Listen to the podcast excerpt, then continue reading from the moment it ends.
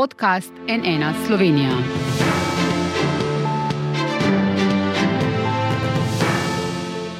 Dobar dan, to je NN studio. S preklicem sklepa o aktivaciji državnega načrta zaščite in reševanja v poplavah se je končala prva faza ukrepanja po avgustovski vremenski katastrofi. Šlo je za najdaljšo intervencijo v Sloveniji doslej. Z začetkom veljavnosti interventnega zakona, ki ga je ta teden sprejel še državni zbor, pa se je začela druga faza. Kaj to pomeni in kaj še sledi, kakšni so zadnji podatki o škodi, koliko hiš je uničenih, kako bo delovala tehnična pisarna, ki bo pomagala pri gradnji, kako se bo država lotila najtežjih primerov, ki so lahko zelo specifični in različni, kako težko bo določiti prioritete. Z nami je prvi operativec, ki se bo ukvarjal s temi vprašanji, državni sekretar za obnovo, Boštjan Šefic. Dobr dan, dobrodošli. Dobar dan, želim. Gospod Šefic, za začetek 1. september je bil nekako prvi rok za te predhodne ocene škode in posledic videti pa je, da se nekoliko zamika. Nekaj številk je pa vendarle zbranih, do tega trenutka v njih sta v preteklem tednu govorila tudi premijer Robert Golop in finančni minister Klemen Boštjančič. Kakšne so torej trenutne ocene škode, popis po občinah sicer še vedno poteka, koliko hiš je popolnoma porušenih, koliko neprimernih za bivanje, za koliko ljudi pravzaprav gre?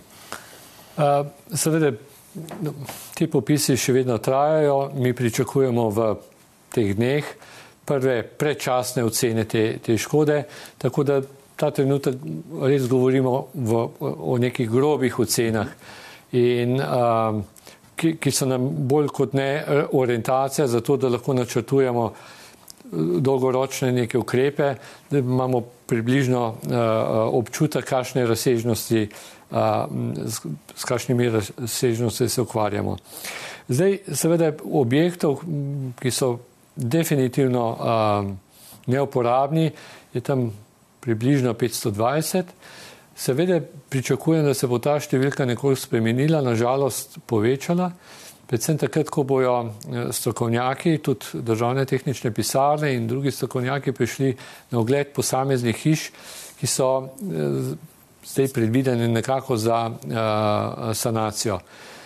Prepričan sem, da bo del teh objektov, ki, za katere danes pričakujemo, da bojo morda lahko sanirani, da temu ne bo tako. Uh -huh. Tako da se bo ta, to število še uh, povečalo. Uh, tudi nekateri drugi objekti, ki morda danes še stojijo, jih bo treba seveda zelo natančno pregledati, oceniti, ali so še primerni, ali so primerni za sanacijo, ali morda tudi bo treba zgraditi kakšne a, a, nove objekte. A, tudi um, recimo primerenega od, od teh šolskih oziroma vrtcev, še vedno a, um, se pogovarjamo o tem, ali je primerneje v neka velika sanacija ali morda vendarle zgraditi nekaj novega. Tako da govorimo o Mengeškem vrtu. Tudi Mengeški, da. Uh -huh. Tako da tu je veliko dilem, ki se bojo zdaj v naslednjih dneh in tednih morali razčistiti, zato da pridemo do neke zelo jasne slike, s čim se soočamo. Seveda bo pa pardon, končna ocena ta pa narejena tam nekje proti koncu tega meseca, ko bojo tudi na regijskem nivoju usklajene te zadeve in seveda na koncu na državnem nivoju. Mhm. Od teh 520 eh, objektov, kot ste rekli, je pa okoli 36 popolnoma. Mislim, da je 36 takih, da so popolnoma uničeni, ne? Mm. ostali so pa v takšnem stanju, da že zdaj vemo, da niso primerni za bivanje. Za koliko ljudi, koliko ljudi je mogoče bivalo v teh objektih? Uh, zdaj, po nekih ne najtočnejših podatkih je tu nekaj blizu 700. Uh -huh. uh, tudi zaradi tega, ker so ljudje odšli k sorodnikom, nekateri so, so prisotni tle, skratka, e, in ravno naslednje, torej aktivnosti v naslednjih dneh bodo šle tudi v tej smeri, da ugotovimo natančno stanje, tudi koliko ljudi, kdo so te ljudje in da seveda potem z njimi upravimo ustrezne uh, pogovore, da vidimo, kaš, kako si oni predstavljajo svojo prihodnost ali bojo se odločili za lastno gradnjo, uh, uh, morda izkoristili možnost začasne nastanitve ali karkoli drugega. Zdaj, ta ocena škode, o kateri govorita premijer in finančni minister, 4 eh, milijarde in pol do 5 milijard, sanacija v naslednjih petih letih pa do 7 uh, eh, milijard. Kaj vse je v bistvu vključeno v te uh, ocene? To so te popisi, ki jih občine izvajajo in pač vse čas prihajajo? To, to je ocena ne, neka, kot sem rekel, okvirna, uh -huh. niti ne bi rekel še prečasna, ampak uh -huh. res uh, okvirna uh, števila celotne škode, vse, -huh. kar, kar se je te, eh, v času te poplave zgodilo. Eh, jaz, moje osebno mnenje je, da bo ta škoda višja, eh, tudi glede na to, kar, kar se nam dogaja. Vendar jaz mislim za tako, resno uporabo teh podatkov bo pa v naslednjih recimo, tednu Eh, situacija bistveno bolj jasna. Ja, vsekakor, jih pa, vsekakor jih pa potrebujemo zato, da potem vemo, ne, eh, eh, kako je sredstvi sposojili in absolutno, in absolutno in zato mm. je finančni minister seveda tu izjemno težko nalogo sestaviti neko okvirno bomo rekel, strukturo tega. Tudi tu verjamem, da se bo še kaj spreminjalo, tako po obsegu kot po dinamiki, vendar vi veste, da za nekatere zadeve smo urabili včeraj podatke, zato da se potem mm. sprejmejo določene sklepi na državnem nivoju in seveda potem to tudi uskladi z Evropsko komisijo. Vaša skupina je bila zdaj še razširjena, imeli ste tudi že prvi sestanek po tej razširitvi. Eh, kot ste dejali, je bil namenjen dogovori o ključnih eh, smereh delovanja. Katere so, kako bo pravzaprav videti zdaj ta druga faza, ko je sprejet in velja tudi uh, interventni zakon? No, mi smo intervencijo včeraj prak praktično končali. Zdaj prihaja neko obdobje, ker je še, vendar, še vedno potrebna neka koordinacija vseh državnih organov, seveda tudi uh, z občinami, uh, z drugimi, bom rekel, ki so vključeni v to, uh, v reševanje te situacije in neko začasno, bi rekel, ali pa nujno, nujne sanacijske aktivnosti. In uh, ta uh, razširjena delovna skupina vlade bo imela zdaj funkcijo usklajevanja vseh teh aktivnosti, tudi usmerjanja, tudi predlaganja določenih ukrepov ali pa morda tudi tisto, kar, kar bomo lahko tudi sami uh, ukrepali, zato da bojo te postopki tekli oziroma te aktivnosti normalno naprej. Hkrati pa že pripravljamo nekatere zadeve uh, za samo obnovo, ki bo tretja faza, kot temu pravimo. Ne. In ocena je bila, da bi bila ta prazen prostor ne, med, bom rekel, republiš, aktivnostmi Republiškega štaba civilne zaščite in novo službo za obnovo, vladno službo, seveda predolga in smo na ta način, po naši oceni, najbolj učinkovito zapolnili. Ta ožja delovna skupina, ki pa že deluje 14 dni, seveda ima pa normalno dela naprej. Mi zelo intenzivno pripravljamo vse potrebno za pripravo zakona o obnovi. To je ta, bom rekel, pomemben zakon, ki bo prav dal osnove in okvir za to obnovo. Po, po vseh elementih ta osnovna struktura je zdaj eh, v delovni skupini bila eh, pripravljena. Danes smo jo na seji, ki smo jo imeli predtem, ože delovne skupine, to že potrdili.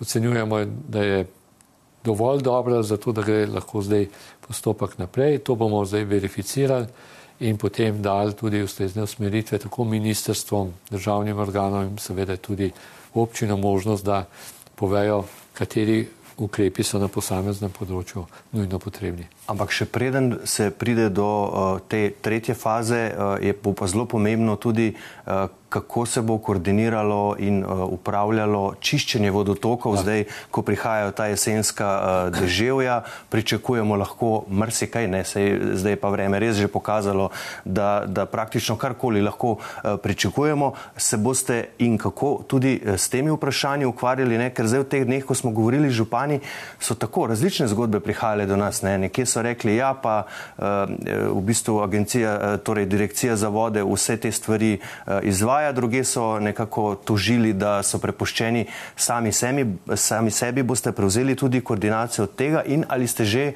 morda določili tudi prioritete pri tem čiščenju? Uh, da, um, mi že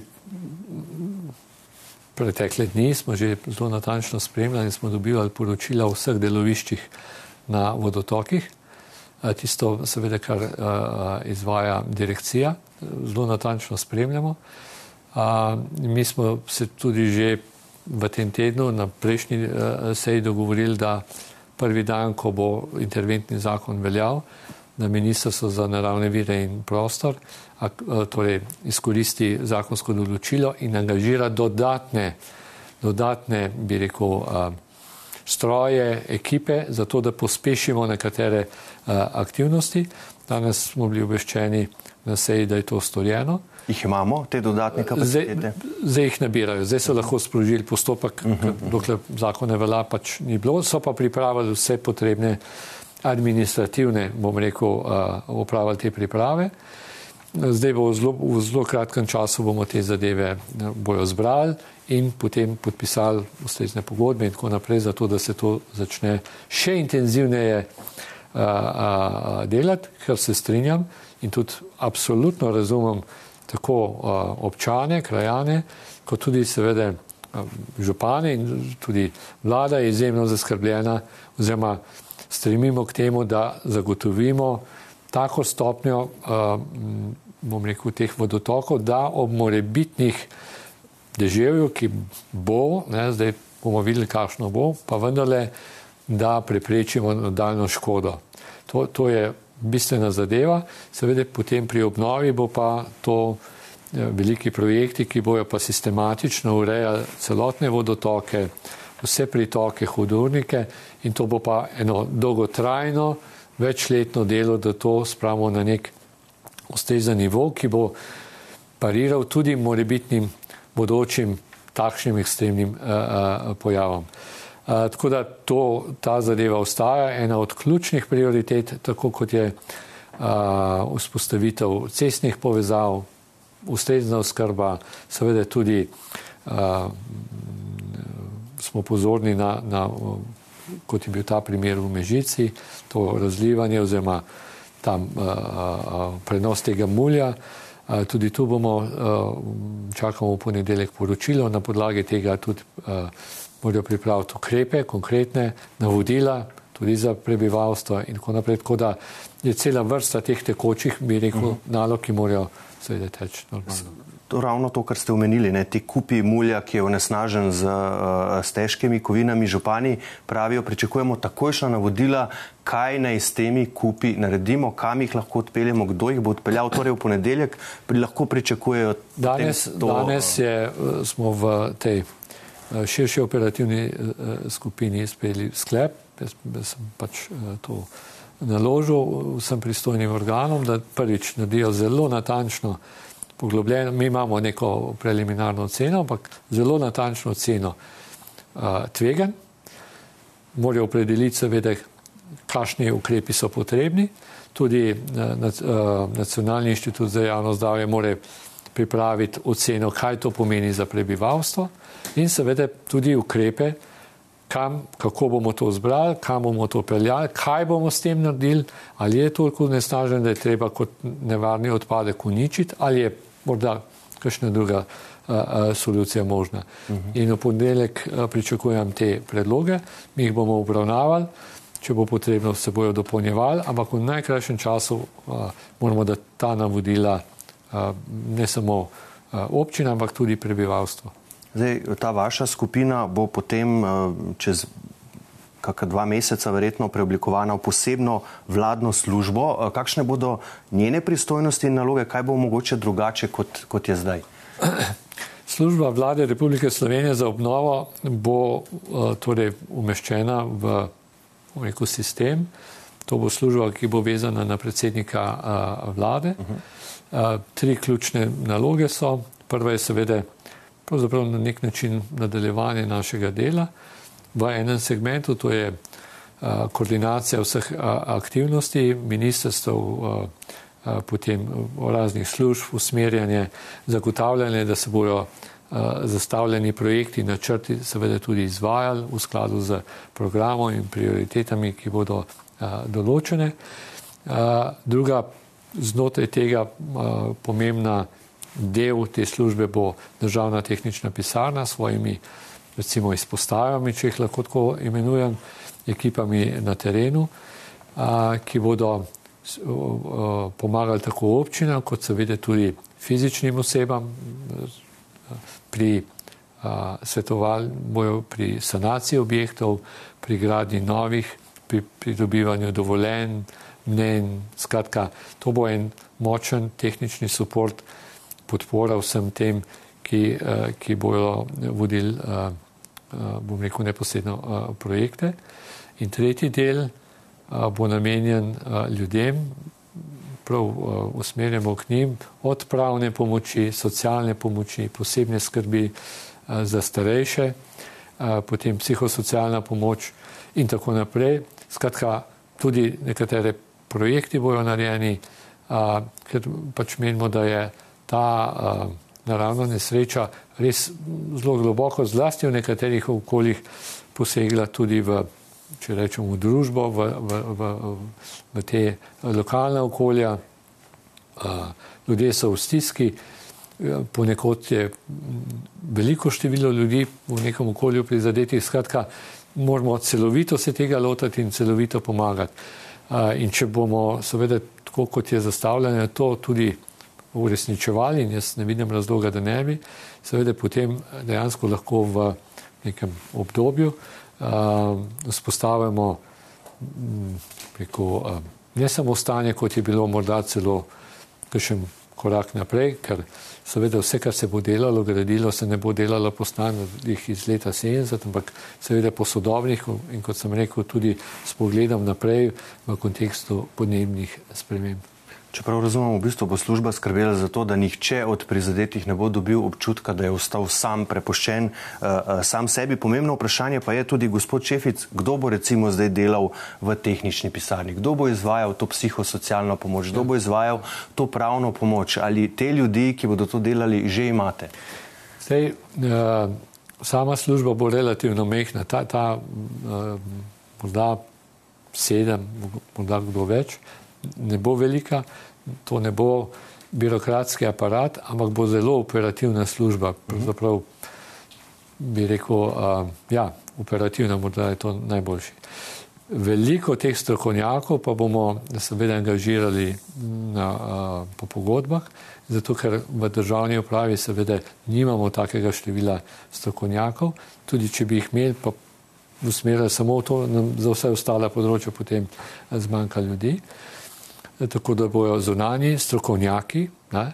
enako velja za vse ostalo, kar se pravne pomoči tiče, psihosocialne, mi imamo inštitucije, ki se s tem ukvarjajo, uh -huh. imamo tudi usposobljene organizacije, uh, ki, ki uh, so, imajo velik uspeh, tudi v tujini so pomagali na teh področjih, mi bomo to angažirali, povezali in uh, funkcija te službe je, da to povezuje, usklajuje uh, in skrbi, da grejo zadeve v v, v skladu s temi rekel, programi in prioritetami. Tako da bo eh, zagotovljen pravzaprav eh, na nek način višji standard, ker bojo delali res strokovnjaki. Mhm. Kdaj pa bo, eh, če se še mogoče za trenutek vrnem k tehnični pisarni, kdaj pa bi ne bi ta zaživela? Uh, naša ambicija je v najkrajšem možnem času. Jaz imam v ponedeljek tudi sestanek z uh, strokovnjakinjo, ki ta trenutek pripravlja vse elaborate in vse tisto, kar je potrebno. Uh, mi bi želeli čim prej, vendar seveda moramo pa vedeti, da tudi ta državna tehnična pisarna mora bila nekaj malega časa, da se spozna celoto problema, da naredijo neko skeniranje, da tudi opredelijo, kje bojo te izpostave, da se zorganizirajo.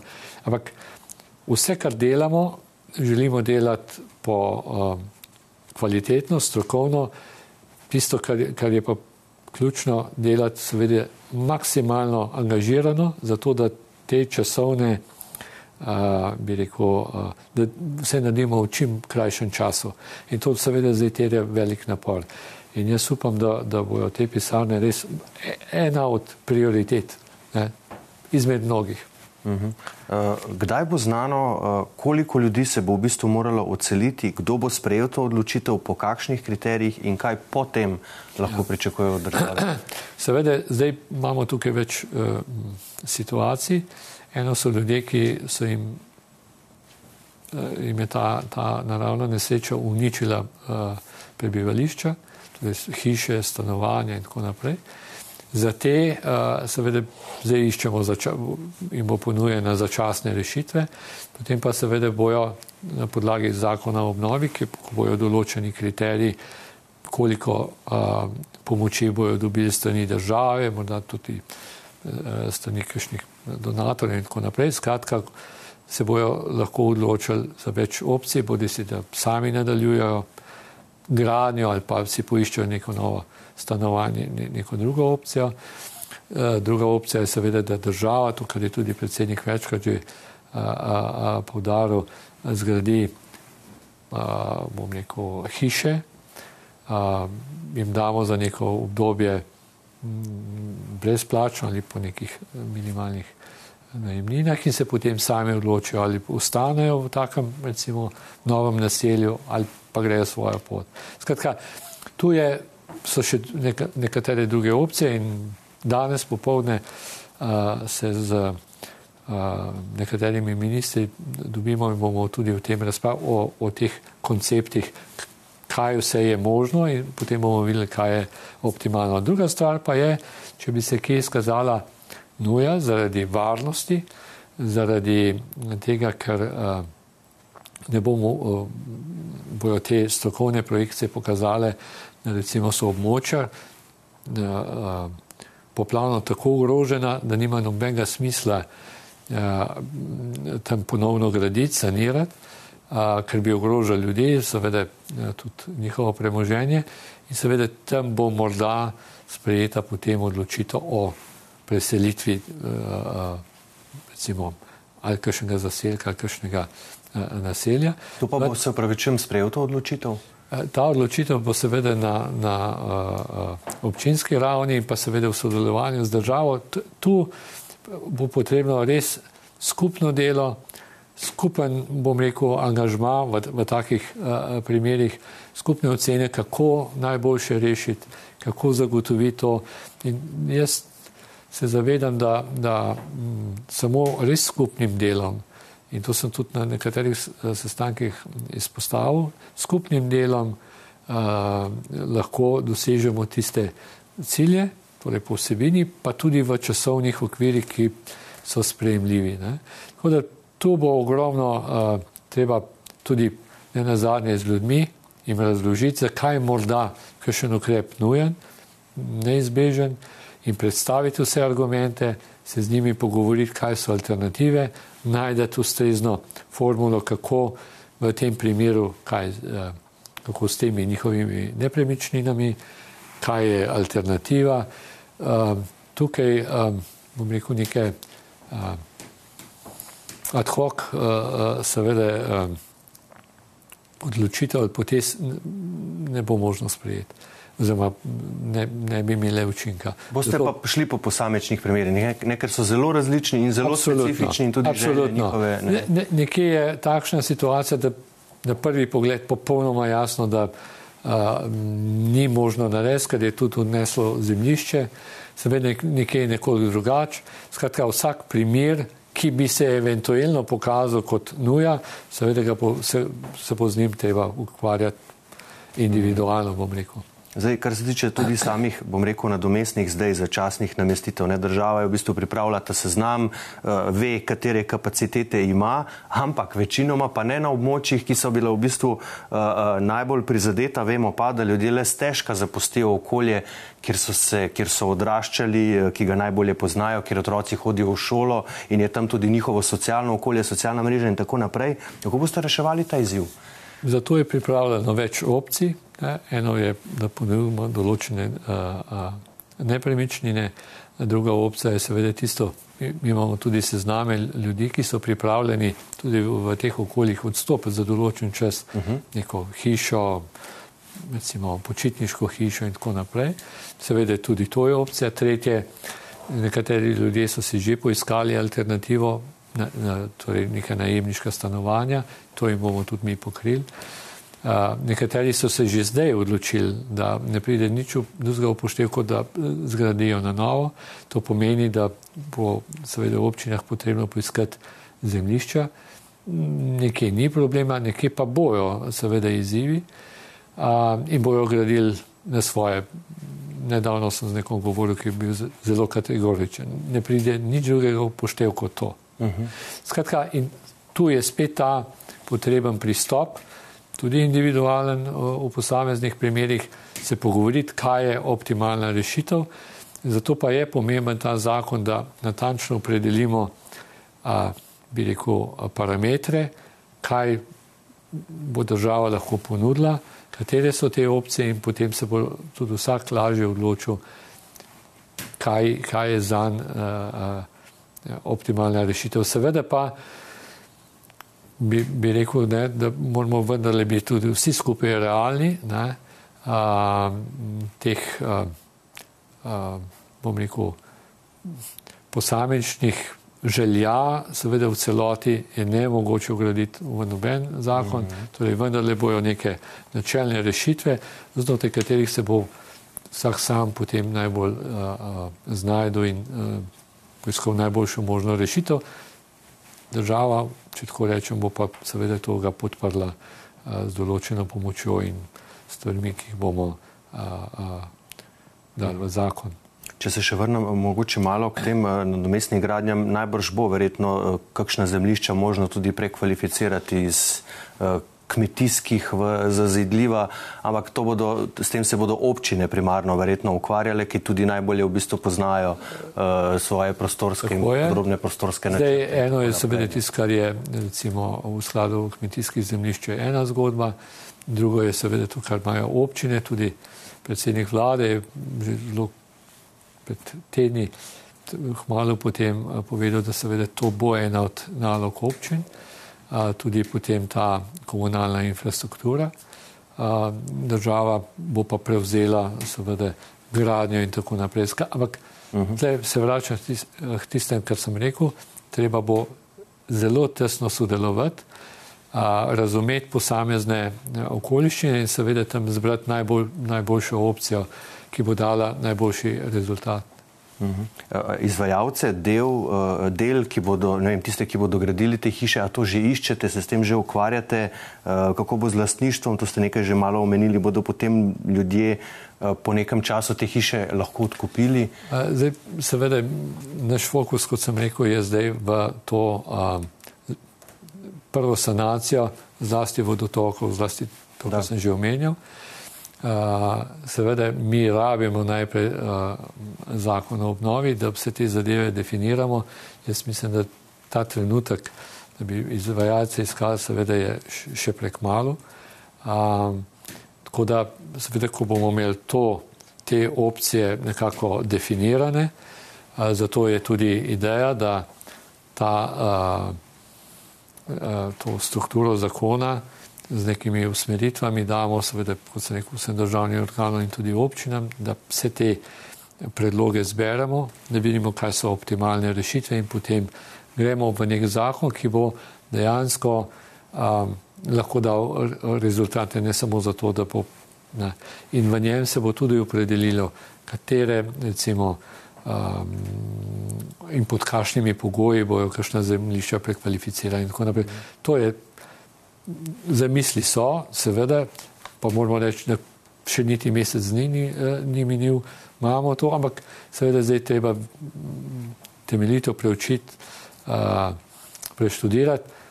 To pa ne pomeni pol leta, to pomeni 10, 14 dni, ne vem, na kakšno stvar, še en dan več. Skratka, vse to, kar govorim, je potrebno storiti, je potrebno dobiti uh, strokovne podlage, da, absolutno, ampak za nekatere zadeve to pomeni teden, dva, tri. Je pa že kar jasno, da bo ta zakon o obnovi, ne, ki ga pripravljate, bistveno bolj zahteven kot recimo ti, bom rekel, interventni ukrepi, ki so bili zdaj v okviru teh dveh uh, zakonov uh, uh, uh, sprejeti. A imate morda že uh, ne vem, kakšen rok ali vam ga je postavil predsednik vlade, dokdaj je treba pa ta zakon o obnovi zdaj pripraviti? No, jaz, naš načrt je, da v tem mesecu pripravimo to besedilo, a, zato ker, kot sem rekel, ga res potrebujemo. Ne? Seveda potem so še postopki a, a, torej na vladi, v parlamentu in tako naprej. Bo zahtevna, ta zakon bo bolj zahteven kot interventni zakon, tudi a, bolj daljnosežne posledice bo imel, ker vendarle za naslednja leta opredeljuje, kako bomo vodili obnovo. Za, a, Jaz sem tudi eh, danes imel uh, pogovor uh, zelo konstruktiven z, uh, s predsednikom sveta za obnovo, vladnega sveta za obnovo, gospodin, gospodom uh, Pipenbacherjem. Sva se strinjala, seveda, da nekatere istočnice, nekatere osnovne usmeritve bo dal tudi svet. Del tega smo tudi že nekaj, uh, se pogovarjala. Tako da seveda kot rečeno, nek, nekaj časa terja, ampak roki so izjemno kratki in ta tempo bo, um, če smem, malo v žargonu, ubijalski. In, in tu ne bo popuščanja, to um, definitivno, zato ker ta, ta zakon, ki ga imamo zdaj, moramo vzdržati, moramo jeti naprej, ker vendarle govorimo o, rekel, o sodi ljudi, ki so um, za to. Uh, za, za to nesrečo. Ne. In stiske se bodo zdaj pred zimo, ko je vedno težje kaj delati, Seveda. še stopnjevale. Za konec, gospod Šefic, mogoče samo še to, javnost se vas najbolj spomni kot prvi obraz migranske krize iz let 2015 in 2016, ko ste bili državni sekretar na notranjem ministrstvu, tudi mi, da so se takrat kar pogosto eh, srečevala. Če primerjate spopad s tisto krizo in tokratno, kje vidite morda podobnosti, kje največje razlike? Uh, vsaka kriza, s katero sem se uh, ukvarjal, še predtem smo, mislim, da leta 14, 14 rešvali Kikamnik, če se spomnite, uh mhm. -huh. smo uničili ogromno tega nevarnih, uh, torej smonika, teh nevarnih kemikalij. Seveda vsaka od teh stvari ima svoje posebnosti in jih je pravzaprav zelo težko uh, narediti neke usporednice, take absolutne. Ena je gotovo, ne? to je vse to, kar delamo, delamo za ljudi, za njihovo varnost, za, za to, da bojo eh, te težave, s katerimi se zdaj soočajo, eh, odpravljene. To je bilo v vseh treh primerih. Ne? Sicer pa se mi zdi, da bo ta situacija, s katero smo se zdaj soočali, najbolj kompleksna. Tukaj gre za zagotavljanje, seveda, nekega normalnega življenja, normalnih življenjskih pogojev za ljudi. Ne? Hkrati gre za zelo zahtevne torej te obnove, zahtevne, torej po obsegu, po zahtevnosti. Mi bomo definitivno morali preveriti celotno, bom rekel, to, to področje, najdete ustrezne rešitve. Tudi obseg te, te nesreče je mm, izjemno, torej, tudi teritorijalno. Mislim, da 183 občin je. Več kot 180, da. 183, ja. mislim, da, da, da je pravilna številka. Seveda, nekatere so bile nekoliko manj prizadete, pa vendarle. Ne.